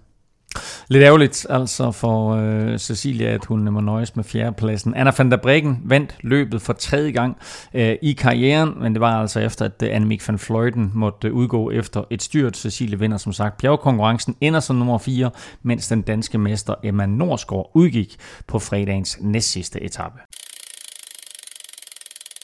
Vi skal vurdere de otte danske rytteres indsats i Tour de France 2020, og det bliver på den nye 12-skala. Og Kim, den er du godt inde i.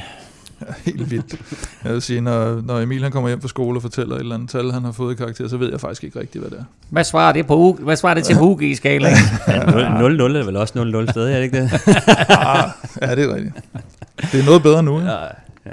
Vi uh, lægger ud med uh, den anonyme held, Christoffer mm. Juhl Jensen.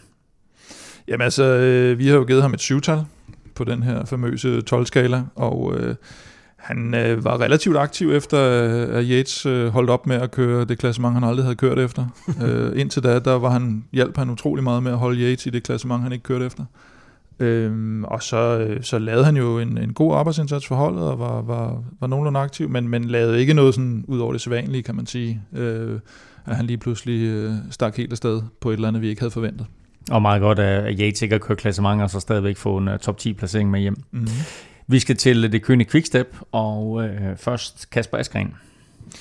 Ja, der, det, det bliver også et syvtal, og det øh, synes jeg næsten er lidt ærgerligt i forhold til den form, han kom ind i, øh, i Tour de France med.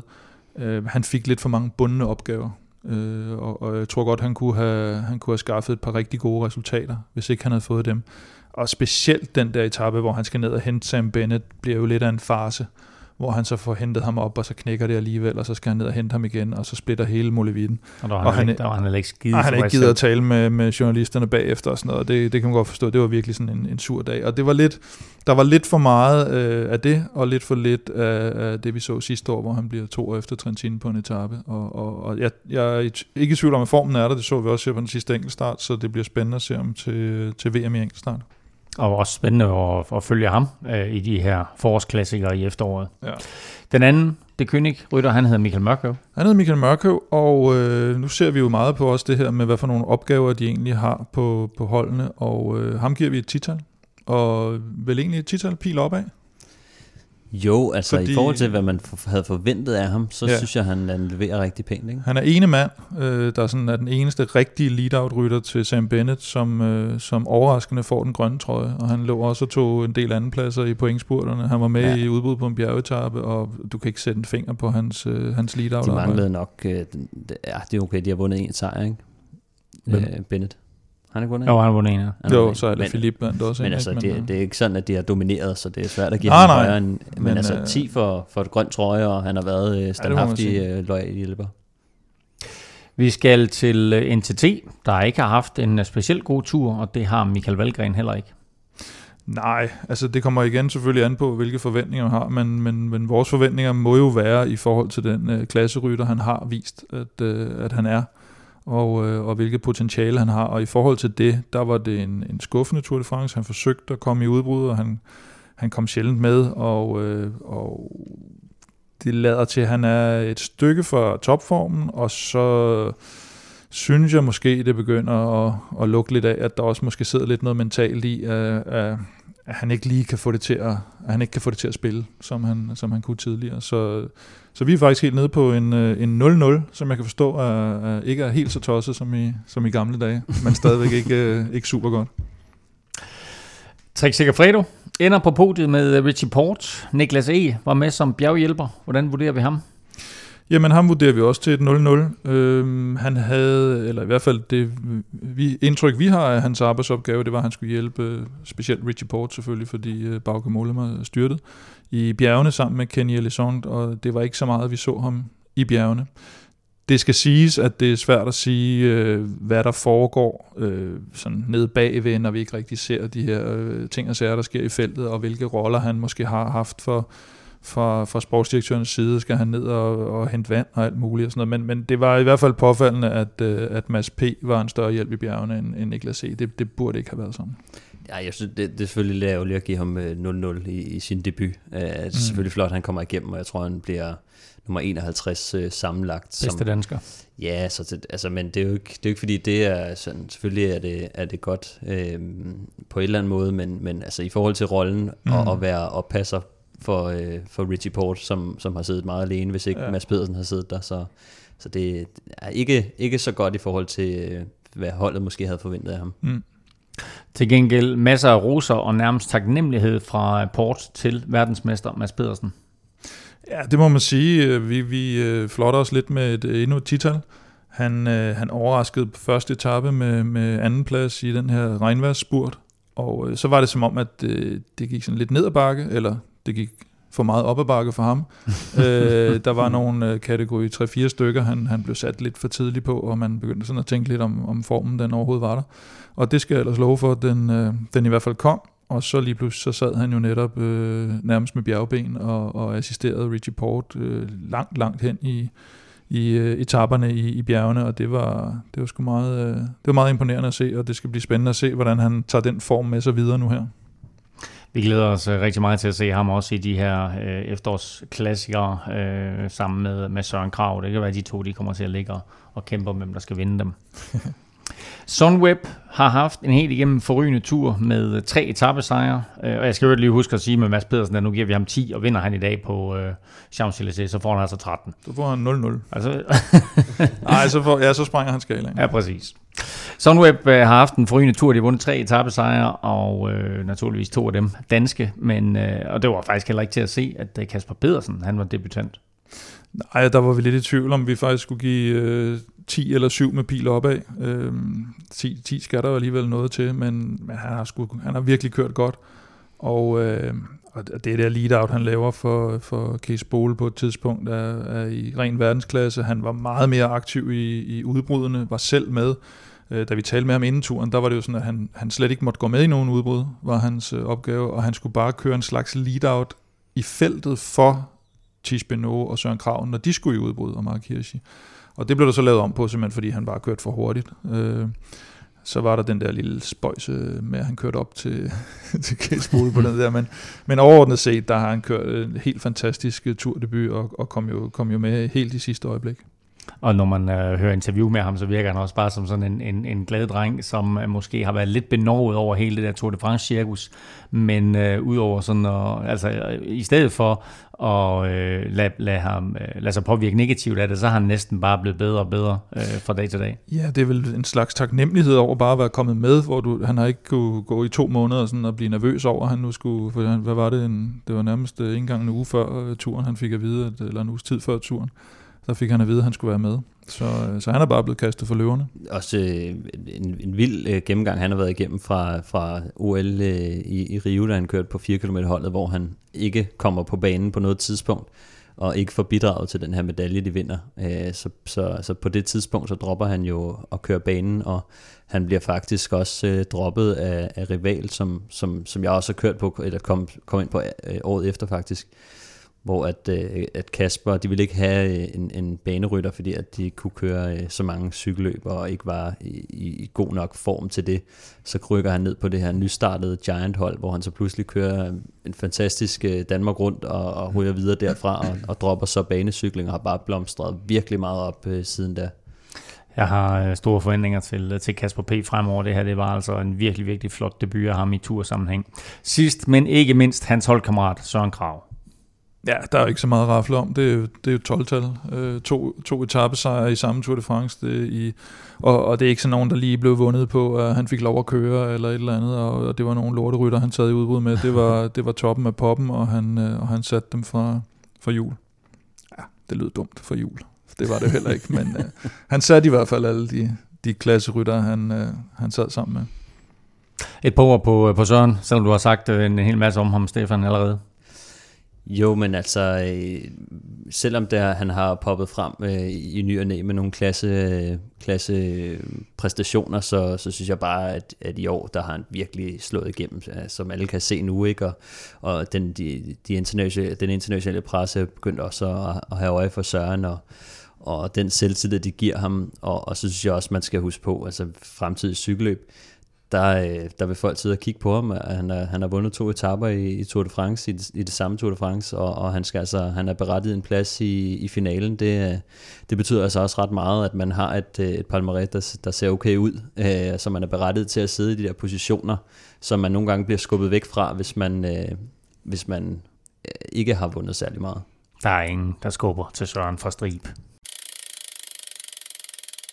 Med afslutningen på Tour de France er det også forløbet sidste gang, at vi har Zetland med som partner på Velropa Podcast. Det har været et øh, forrygende samarbejde, som har været skønt både for os og Zetland, og forhåbentlig for jer derude. Og du kan altså lige nå at komme med på vognen. Gå ind på zetland.dk-velropa, så får du to måneder for 50 kroner. Og Kim, øh, så støtter man jo faktisk også Velropa Podcast med et flot beløb. Ja, det er jo med, med hele 200 kroner, så det er jo odds 4 kan man sige. Ikke? Øh, så det, det synes jeg bestemt, man lige skal nå at, at få med her på, på, på sidste afdeling af Tour de France, og sidst i september måned, så, så man kan blive øh, godt klædt på med nyheder. Jeg ved, du har været glad for det. Bestemt. Altså, jeg er selv blevet mega fan, og øh, når jeg ikke lige øh, laver eller lytter til podcast selv, så har jeg Zetland i ørerne. Øh, det er, synes jeg, nyheder på en, en helt ny måde. Det er god journalistik, det er super lækkert lavet med, med, med lydeffekt og alt muligt andet, og så er det serveret objektivt, og der er faktisk en hel del historier derinde, som jeg aldrig nogensinde ville have kastet mig over som jeg synes er rigtig interessant at, at få lidt fordybelse i. Øh, og vi vil bare sige, Kim, at der er rigtig mange Velropa-lyttere, som også har taget Zetland til sig. Det har vist sig at være et rigtig godt match. Der er, jeg kan faktisk ikke engang huske, hvor mange vi efterhånden er op på, men jeg tror, at det er, en, det er over 300 i hvert fald, der har, der har prøvet det. Og øh, det er netop det, man kan. Man kan altid prøve. Så kan man melde sig fra igen, hvis man ikke man gider, men, øh, men giv det en chance. Der er 300, der har prøvet. Det vil sige, at vores lytterskab på 15.000, der er der 14.700 derude, der ja, sidder lige nu og ikke har prøvet det. Ja. Og ved du hvad? Får en 50'er. Øh, og det får du altså ikke engang en, en kaffe og kage for, når du er ude øh, på din, øh, på din cykeltur. For en 50'er, der får du et af Danmarks mest moderne medier lige ind i dine hørebøffer, og så kan du lytte overalt. Øh, også derhjemme, hvis du sådan øh, går hjemme i de her coronatider. Prøv at du sparer penge, du bliver klogere, du støtter Velropa Podcast, og du kan lige nå det. Så gå ind på zlandmadsæt.dk, skråstreg Velropa, og prøv det nu. Det koster en 50'er. Sæt i gang. Tidligere nævnte Kim Floyd Landis' vilde comeback fra 2006. Et comeback og en øh, Tour de France sejr, der blev skæmmet af dopingafsløringen umiddelbart efter. Og som altid, når nogen kører stærkt i cykelsporten, så er der dem, der omgående trykker på den der øh, de alle dopede knappen. Øh, og det ser man faktisk også allerede flere steder øh, på de sociale medier efter Pogacars vilde rit i går. Kim, spørgsmålet er nu, er der noget stærkere end Slivovic i de slovenske dunke? Det er der ikke noget belæg for at insinuere i øjeblikket i hvert fald. Og, øh, men men, men, øh, men cykelsportens historik taget i betragtning, så er det jo netop det her med, at, øh, at, at der er den her automat, automatiske reaktion. Jeg vil sige, det som jeg synes, øh, der er sådan, hvad skal man sige, to-tre øh, forskellige scenarier i øjeblikket. Der er den, hvor, hvor øh, folk undrer sig over, hvad, hvad fanden sker der med Slovenien? Hvor kom Slovenien fra? Lige pludselig som øh, stor cykelsportsnation. Og så har, vi, så har vi selvfølgelig alle dem, der bare siger, at alt er dopet, men det, det, det, det kan man ikke rigtig bruge til noget jo. Og så, så, har, så er der faktisk også de her, som måske tidligere, når jeg har fundet et eksempel frem her med en, der hedder Torben Kølby Thomsen, som siger, øh, som, som tidligere har været øh, meget begejstret øh, tilhænger og tilskuer af cykelsporten, men, men nu er blevet sådan lidt mere på vagt. Han siger, jeg synes, det er larmende naivt ikke at stille spørgsmål omkring doping. Om han er det, må andre mere kyndige mennesker finde ud af, men man har da intet lært om cykling, hvis man bare kategorisk benægter, at det kan finde sted. Jeg forsvarede Michael Rasmussen med næb og klør i sin tid. Den fejl laver jeg aldrig igen. Og det, det er fra Twitter, det her, eller hvad? Det er Facebook. Facebook. Ja. Og, det, og den, øh, jeg kan godt huske dengang med Michael Rasmussen nemlig også, at der var jo der var mange, der var det hele det her med Vore Rasmussen spil, og så havde alle Vore, og så lige pludselig så indrømmede Rasmussen, og så var de sådan lidt, fuck mand, så havde jeg holdt med den forkerte og sådan noget. Og der var nogen, der var ret frustreret der, ikke?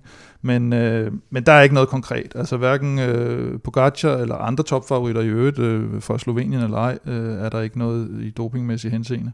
Og, øh, og så som udgangspunkt, så skal vi glæde os over det her drama, vi så, og, øh, og, og, og uanset hvad, hvad der måtte ske i historien, sådan har jeg det i hvert fald, så, så ser jeg altid et cykelløb, som enkeltstarten i går, øh, for det det er, lige når det sker. Og øh, det gjorde jeg, da Ries vandt, og det gjorde jeg, da, da Rasmussen kørte mod, øh, mod Contador på, på Col d'Aubisque i 2007. Øh, så jeg kan sagtens øh, se de her cykelløb, men, men øh, jeg tænker også over tingene, når jeg ser øh, nogle af de her ting, om, om det så er Wout van Aert, der lige pludselig både kan sprinte og køre i bjerge, og, og Pogacars øh, vilde enkeltstart, eller, eller for den sags skyld Floyd Landis, eller Michael Rasmussen, eller Chris Horner, eller, eller hvem det måtte være. Og det, det bliver man simpelthen nødt til for at, at, altså, at være i den virkelighed, som, som cykelsporten også er i. Allerede for omkring halvandet år siden, der skrev du faktisk på Velropa.dk om netop Sloveniens markante talentudvikling. Øhm, og, og, og, hvad skal vi sige, indtræne det hele taget i, mm. i cykelsportens elite. Hvorfor ikke bare glæde sig over, at de har nogle fabelagtige atleter, og at Pogacar han i går gav os en nærmest historisk præstation? Jo, men det, det synes jeg egentlig også, man skal, og man skal sidde, som jeg også sagde, man skal sidde og se det for, for det, det er. Og, øh, og jeg kan faktisk, øh, jeg kan da huske også, da vi havde ved Europa Caféen, hvor vi sad og genså, øh, var det 2003-turen med Armstrong og Ulrik, og den der helt fantastiske tur, hvor Beloki styrter. Og der ved vi jo alle sammen, at de var topdopet alle sammen, men, men derfor kan man godt sidde og, og se et godt vedløb. Øhm, men, men hvis man skal netop forholde sig til virkeligheden, og det, det skal vi jo, når der så er nogen, der spørger, jamen hvad fanden sker der med Slovenien, hvor kommer de fra, og sådan noget, så er man jo også nødt til at, at nævne de her ting, at der har været øh, tråde fra, fra den her operation Adalas, der har trukket, trukket meget i, i den i slovenske og østeuropæiske retning. Specielt mod en gut, der hedder Milan Ersten, som var teammanager hos øh, Adria Mobil, som vi også har været inde over. Øh, ham, der opfandt blandt andet Janis Brajkovic og Primus Roglic. Øh, og de har haft deres problemer med doping. Og ham, der henter Pogacar til UAE, er en, der hedder Martin Fernandes, som tidligere var sportsdirektør for Ricardo Rico og og hvad hedder det, øh, Kobo, som nogen måske kan huske her for nylig, der, øh, der blev, øh, der blev fjernet som, som weltervinder. Og, og det, det, det hører bare med til historien, og hvad der så sker, om det var helt fantastisk, det han lavede, eller om 10 år, så finder man ud af alt muligt, det, det ved vi ikke. Ja, altså, ja, altså, det, jeg synes også, at den er, den er svær, ikke? fordi at, at når vi ser de her store præstationer, så er det ligesom om alle øh, sidder derhjemme.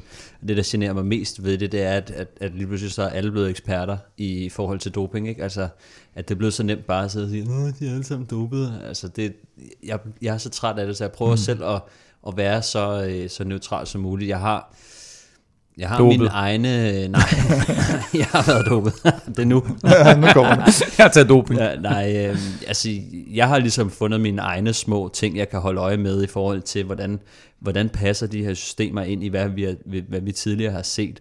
Øhm, hvor kommer de fra? Hvordan har deres opblomstring været? Mm. Hvordan gør de det? Hvad er det for en effekt, doping har? Øh, hvis du vinder en spurt for eksempel, så er det ikke nødvendigvis fordi, at, øh, at du har taget EPO. Mm. Øhm, der er nogle, øh, for eksempel EPO har måske ikke så meget at sige i et, i et endagsløb, øh, øh, altså medmindre man kører 300 km. Øh, Men er der andre trylledrikke? Jamen, jeg tror helt klart, det jeg tror, der er meget mere af, det er de, de klassiske øh, med, med kortisonen og, og med de uh, TOE, uh, altså um, hvad det, det står for, therapeutic uh, lægeerklæringer, ikke? Du får, ja, lægeerklæringer, ja. Hvor du kan få noget, som lige er lidt over grænsen i forhold til noget allergi, astma, medicin, øh, som man normalt ikke ville kunne få. Og så er der jo den her øh, nye øh, trylledrik, man kan få øh, med, med ketoner, mm. som er også øh, for nogen er lidt i, i gråzonen. Men, øh, og som angiveligt Jumbo Visma jo øh, bruger i stor stil. Mm. Ja, netop, og de har jo faktisk været ude og bekræfte her under turen og sagt, at jamen, de bruger det selv om, at de faktisk ikke helt ved øh, bivirkninger på, på lang sigt, så, så det er åbenbart bare en, en risiko, de er villige til at løbe. Og at faktisk også, jeg tror det var Roglic, der var ude at sige, at det er faktisk svært at mærke øh, effekten af det, men, øh, men de tror på, at, at der er en effekt.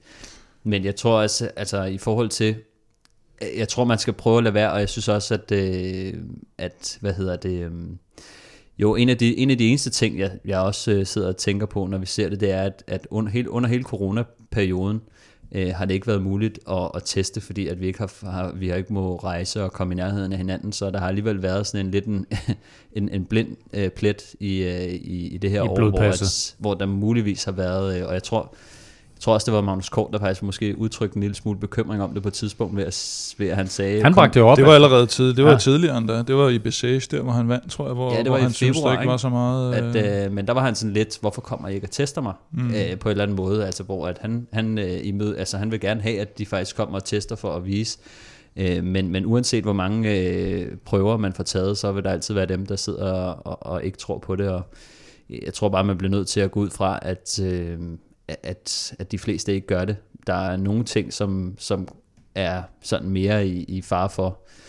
Øh, altså jeg tænker, at nogle, nogle gange så ser man nogle, øh, kan huske Mauricio Soler og, og nogle af de der gode gamle, og Bernard Cole og sådan nogle. Jeg kan huske, det var dengang, jeg for alvor begyndte at, at se nogle mønstre i forhold til, hvad er det, der er suspekt, og hvordan er det. Nogle af de her rytter, som Kwiatkowski og, og, og så, sådan mm. nogle typer, som altid har været skide gode, og ikke i mine øjne har lavet noget, hvor man sidder og tænker, hold da op. Altså, det burde ikke uh, kunne lade sig ja, gøre. Det er også derfor, det er derfor med sådan nogle rytter som Fanart og, øh, og Pogacar, at du heller ikke bare sådan kan, kan dømme den ud fra, fra det, Nej. man ser. Eller, eller man ser noget, der er helt usædvanligt. Det er vi jo alle sammen enige om. Det var mm. vi også enige om, når, da, da Fuglsang begyndte at køre stærkt. Øh, og så undersøger man det. Øh, men med til historien om Pogacar, ligesom alle de andre ting, jeg nævnt, der, er det jo, der hører det jo også med, at han er en gudsbenået vedløber. Vi kan jo se, hvordan han, mm. øh, han, han er ved. Han har vundet Tour de l'Avenir og så videre. Og, øh, og, og, og jeg tror nærmest ikke, at den præstation, han lavede i går, at uanset om du så havde fyldt dig med doping eller sådan noget, så kan det ikke gøre det udslag alene jo. Altså nej, det er der nej. også nogen, der tror, og de tror, du kan lige stikke dig i armen, og så kan du lave sådan en enkelt start som den der i går. Ikke? Ja, nej, så, sådan altså, hænger det heller ikke sammen. Og så tror jeg også, jeg har faktisk, øh, det, det kommer også til at lyde lidt mærkeligt, men jeg har også sådan lidt stadig en, en, en stor respekt for sådan en mand som Lance Armstrong, som selvom han har været dopet, har lavet en enorm stor præstation. Så på en eller anden måde er der ja, stadig ja, sådan en, jeg, jeg, jeg, jeg, altså, jeg har jeg kan, jeg kan lide det sportslige i det, øh, den måde, de har, de har gjort det på. Så er der den her øh, lidt ubekendte faktor, som man aldrig rigtig ved, hvor man har henne, og, mm. og jeg synes bare, at man skal stoppe med at, at, at sig alt for meget øh, på det. Øh, I hvert fald, hvis man ikke ved ret meget om det. Lance har, han har taget skraldet for en hel generation, måske lige sammen med, med et par stykker mere, men øh, faktum er jo nok, at, at de kæmpede på samme vilkår dengang, og det håber jeg så også, at de gør nu, og at, øh, at de forhåbentlig er rene alle sammen. Fordi jeg er sådan lidt, altså jeg, jeg er lidt romantisk anlagt, og måske også lidt naiv, øh, men jeg håber og tror på det bedste i alle, øh, indtil andet er bevist, og derfor så håber jeg, tror jeg også på, at cykelsporten er blevet renere, og at rytterne er blevet bedre til øh, selv at holde justits med den her slags. Øh, og kommer det så frem, at der har været øh, mere end slovensk Slivovic indblandende, så æder jeg mine ord igen. Men lige nu, der synes jeg, at vi har været vidne til et af de største øjeblikke og mest fantastiske comebacks det er i, i cykelsportens ja, historie. Helt vildt. Vil Europa sponsoreres af Odset, der udbydes af danske licensspil? Odset tilbyder masser af odds og specials på alt det interessante ved cykelsporten. Husk, at man skal være minimum 18 år og spille med omtanke. Regler og vilkår gælder. Lige om lidt får du vores sædvanlige spiltips fra Årtid, men først der skal vi lige have afsluttet dette års Tour de France med den traditionelle massespurt på Champs-Élysées. Måske kan du faktisk høre øh, TV2's Dennis Ritter i baggrunden, fordi vi optager faktisk i øjeblikket, mens rytterne er på vej i mål. De er ude på den sidste omgang, og der resterer 3,1 kilometer øh, af årets Tour de France, og øh, de er altså på vej mod målstregen for aller sidste gang med omkring 60 km i timen op ad øh, Champs-Élysées. Der er fokus på naturligvis øh, Sam Bennett og øh, Peter Sagan. Øhm, pointkonkurrencen er vist afgjort, fordi Sagan ikke spurgte med ude på øh, etappen, men øh, selv øh, kommentatorerne her var altså lidt i tvivl om det. Øh, folk de drysser af bagerst i feltet lige nu, og imens så er der altså øh, fuld skrald på forrest, og det er Sunweb, der ligger forrest lige nu. Ja, det bliver spændende at se. Det var det, vi talte om sidste gang, at øh, de har det her hold til at køre lead-outen rigtig langt udefra, og den er de så gået i gang med nu. Det ser dog lidt ud som om, at de ikke, de ikke helt har fået samlet holdet, vil jeg sige. For lige nu, der er det Trek Segafredo, der ligger og, og forplummer det lidt ned bag ved dem. Der var øh, fire mand i udbrud øh, i en hel del af, af de her Ej. otte omgange, der skal køres ind på Champs-Élysées. Det var Greg van Avermaet, det var Mark Schachmann, det var Conor Swift, og det var Pierre-Luc Perichon, men øh, de bliver altså hentet her med omkring øh, 3-4 km igen, og øh, i stedet for så bliver der altså bagt op nu til den her klassiske massespurt, og vi kan se, at den grønne trøje har bevæget sig frem i feltet, og vi kan også se, at øh, den gule trøje har lagt sig øh, godt og komfortabelt, sådan så øh, han ikke ryger i problemer på Pogacar. De er inden for de sidste 3 km, dermed så er det altså også officielt, at øh, Pogacar han, øh, han vinder turen, medmindre han selvfølgelig styrter og udgår 7 i 13. Nå, nu kommer det op i tunnelen her. Men Jumbo har været rimelig aktiv jo i forfølgelsen også, og det, det tyder jo på i hvert fald, at, uh, at Wout van Aert, han skal, han skal spurte med. Nu har vi uh, Kasper Askren forrest, og det er med Mørkøv på hjul, og så Bennett. De ligger altså 1, 2, 3 lige nu. Prøv at se, prøv at se hvor Mads han sidder. Han sidder i position nummer 7 der. Perfekt med lige bag Støjven. Så Støjven kører spurten for Mads P. Mm. Det, var det, det var det, de havde aftalt internt.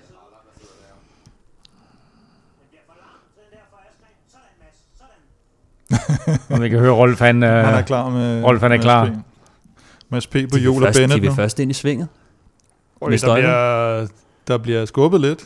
Men prøv at se, Sagan han hænger derude i vinden. Det er ikke så godt. Sagan helt alene, har ikke nogen foran sig. Prøver sådan på at finde Bennets hjul.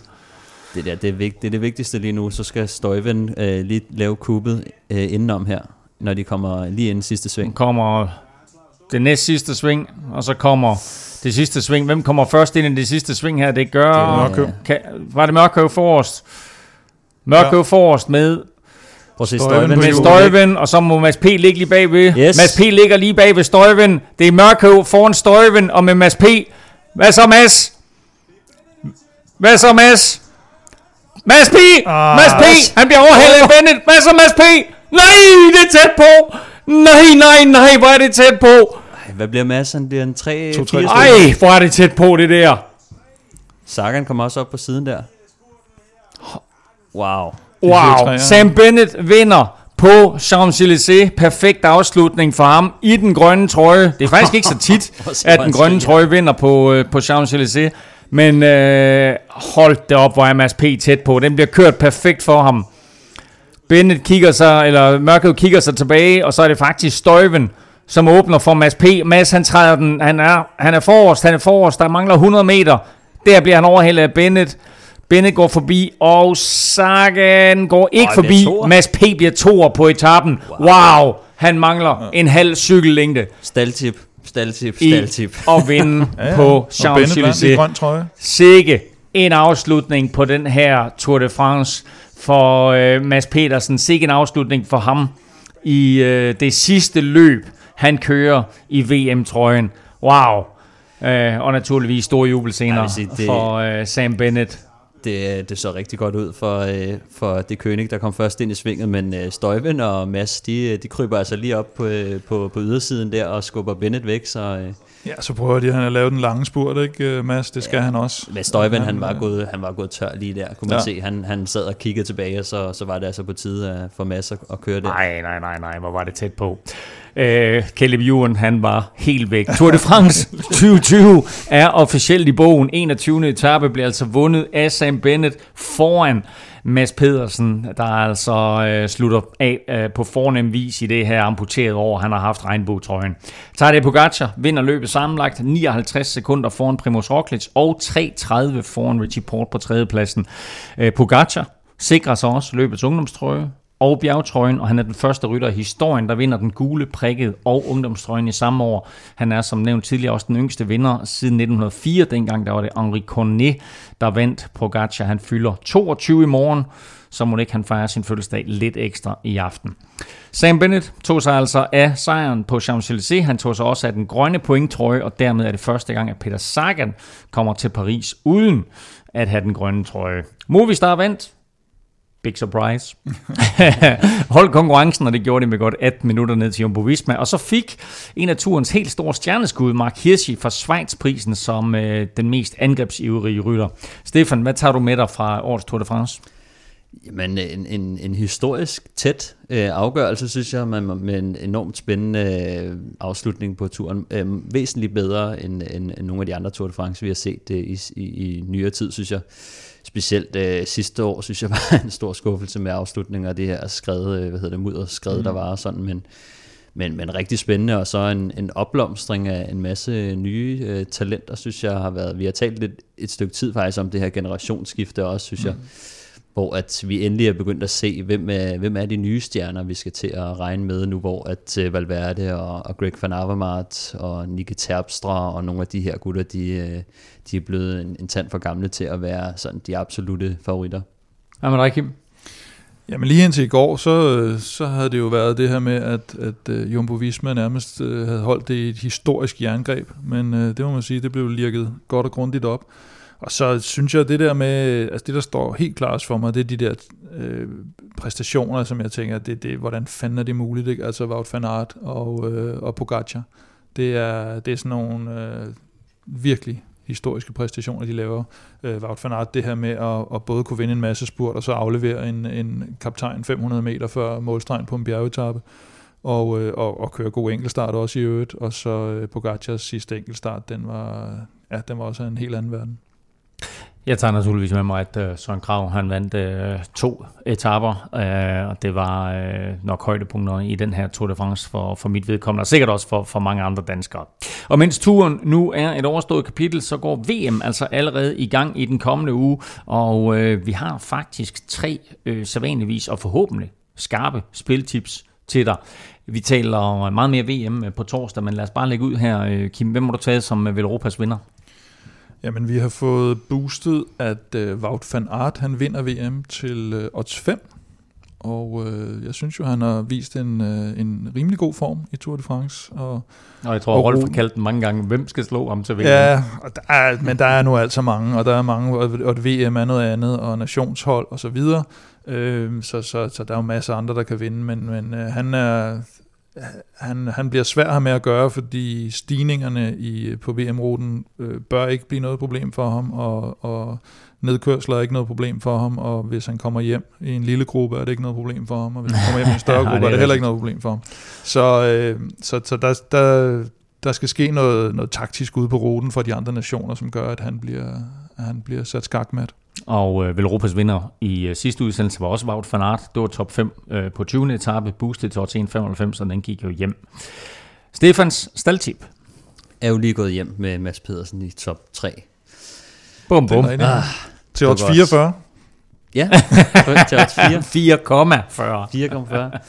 Nej, men øh, nu har vi jo set opblomstring af en masse nye talenter, og øh, her til VM, der synes jeg, at øh, Storbritannien har en, en rigtig spændende fyr med som, øh, som kaptajn. Det er Thomas Pitcock, der er 21 år, ligesom Pogacar, og øh, han er et cross-talent, ligesom Wout van Aert.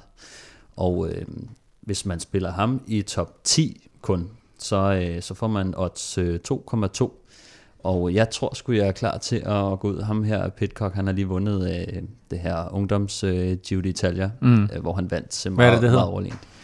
Ja, men jeg bekræfter det. Nej, det er også bare gas. Jamen, prøv at det er lidt spændende med Pitcock, fordi øh, der er meldt helt klart ud fra britisk øh, cyklingsside, at det er faktisk ham, de kører for ja. i år. Så øh, et, et år, som måske ikke øh, på nuværende tidspunkt har været det, den, den, den succes for britisk cykling, cykling, som vi har været vant til at se. Der kører det altså lige pludselig for det her 21-årige store talent. Og den blev boostet til, top 10 sagde du, ved VM boostet til? 22. 22? 2,2. 2,20. Sidst men ikke mindst, Plesners podie. Ja, øh, vi skal have en dansker på podiet. Det skal vi da. Øh, helst bare en eller anden. og enten i, øh, i øh, lande, eller hvad hedder linjeløb eller, eller enkeltstart. Og øh, det er kun for mænd, trods alt. Okay. Men øh, en dansker på podiet, enten på enkeltstarten eller linjeløbet, til boostet til odds 2,30. Og altså personligt er det nok Askren og Fuglsang. Jeg, øh, Askren i enkeltstarten. Det er den nye Fuglgren. Det er den nye Fuglgren, det er det faktisk. Det var fandme godt. Øh det kan godt ja. se. Ja. Den, er, den lever igen. Den lever nu. Jamen, der har vi 32. Wout van Aert vinder VM boostet til odds 5. britiske Thomas Pitcock i top 10 til VM, boostet til odds 220. Og så altså en dansk medalje hos herrene, enten på landevej eller enkeltstart, boostet til odds 230. Øhm, det var dagens spiltips, bragt i samarbejde med Oddset fra Danske Spil. Vi har fundet vinderen af Tour de France, vi har fundet vinderen af 21. etape på Champs-Élysées, nu skal vi have fundet, fundet vinderen i dagens quiz. Og øh, jeg har en lille indrømmelse både til jer to og til, øhm, til lytteren nu. Den kan vi komme tilbage til lige om lidt. Øhm, lad, os lige få, lad os lige få et bud på, øh, hvem der er verdensmester, som har vundet på Champs-Élysées også. Altså, Det Ja, er, kom, det, det kom. er ret plæsner først, det, det er bare Ja, ja, uden ja. ja. point, så Ja, ja, ja. Jamen altså, mine bud, det var sådan noget øh, Oscar Freire, Mark Cavendish-agtigt, fordi me- mest for at Freire havde vundet så mange VM. Og hvad, hvad, hvad siger du, Stefan? Hmm. Øhm, jeg har øh, Eddie var så også mit tredje øh, hvad fanden, Ole hvad fanden Ritter. var det, jeg tænkte på?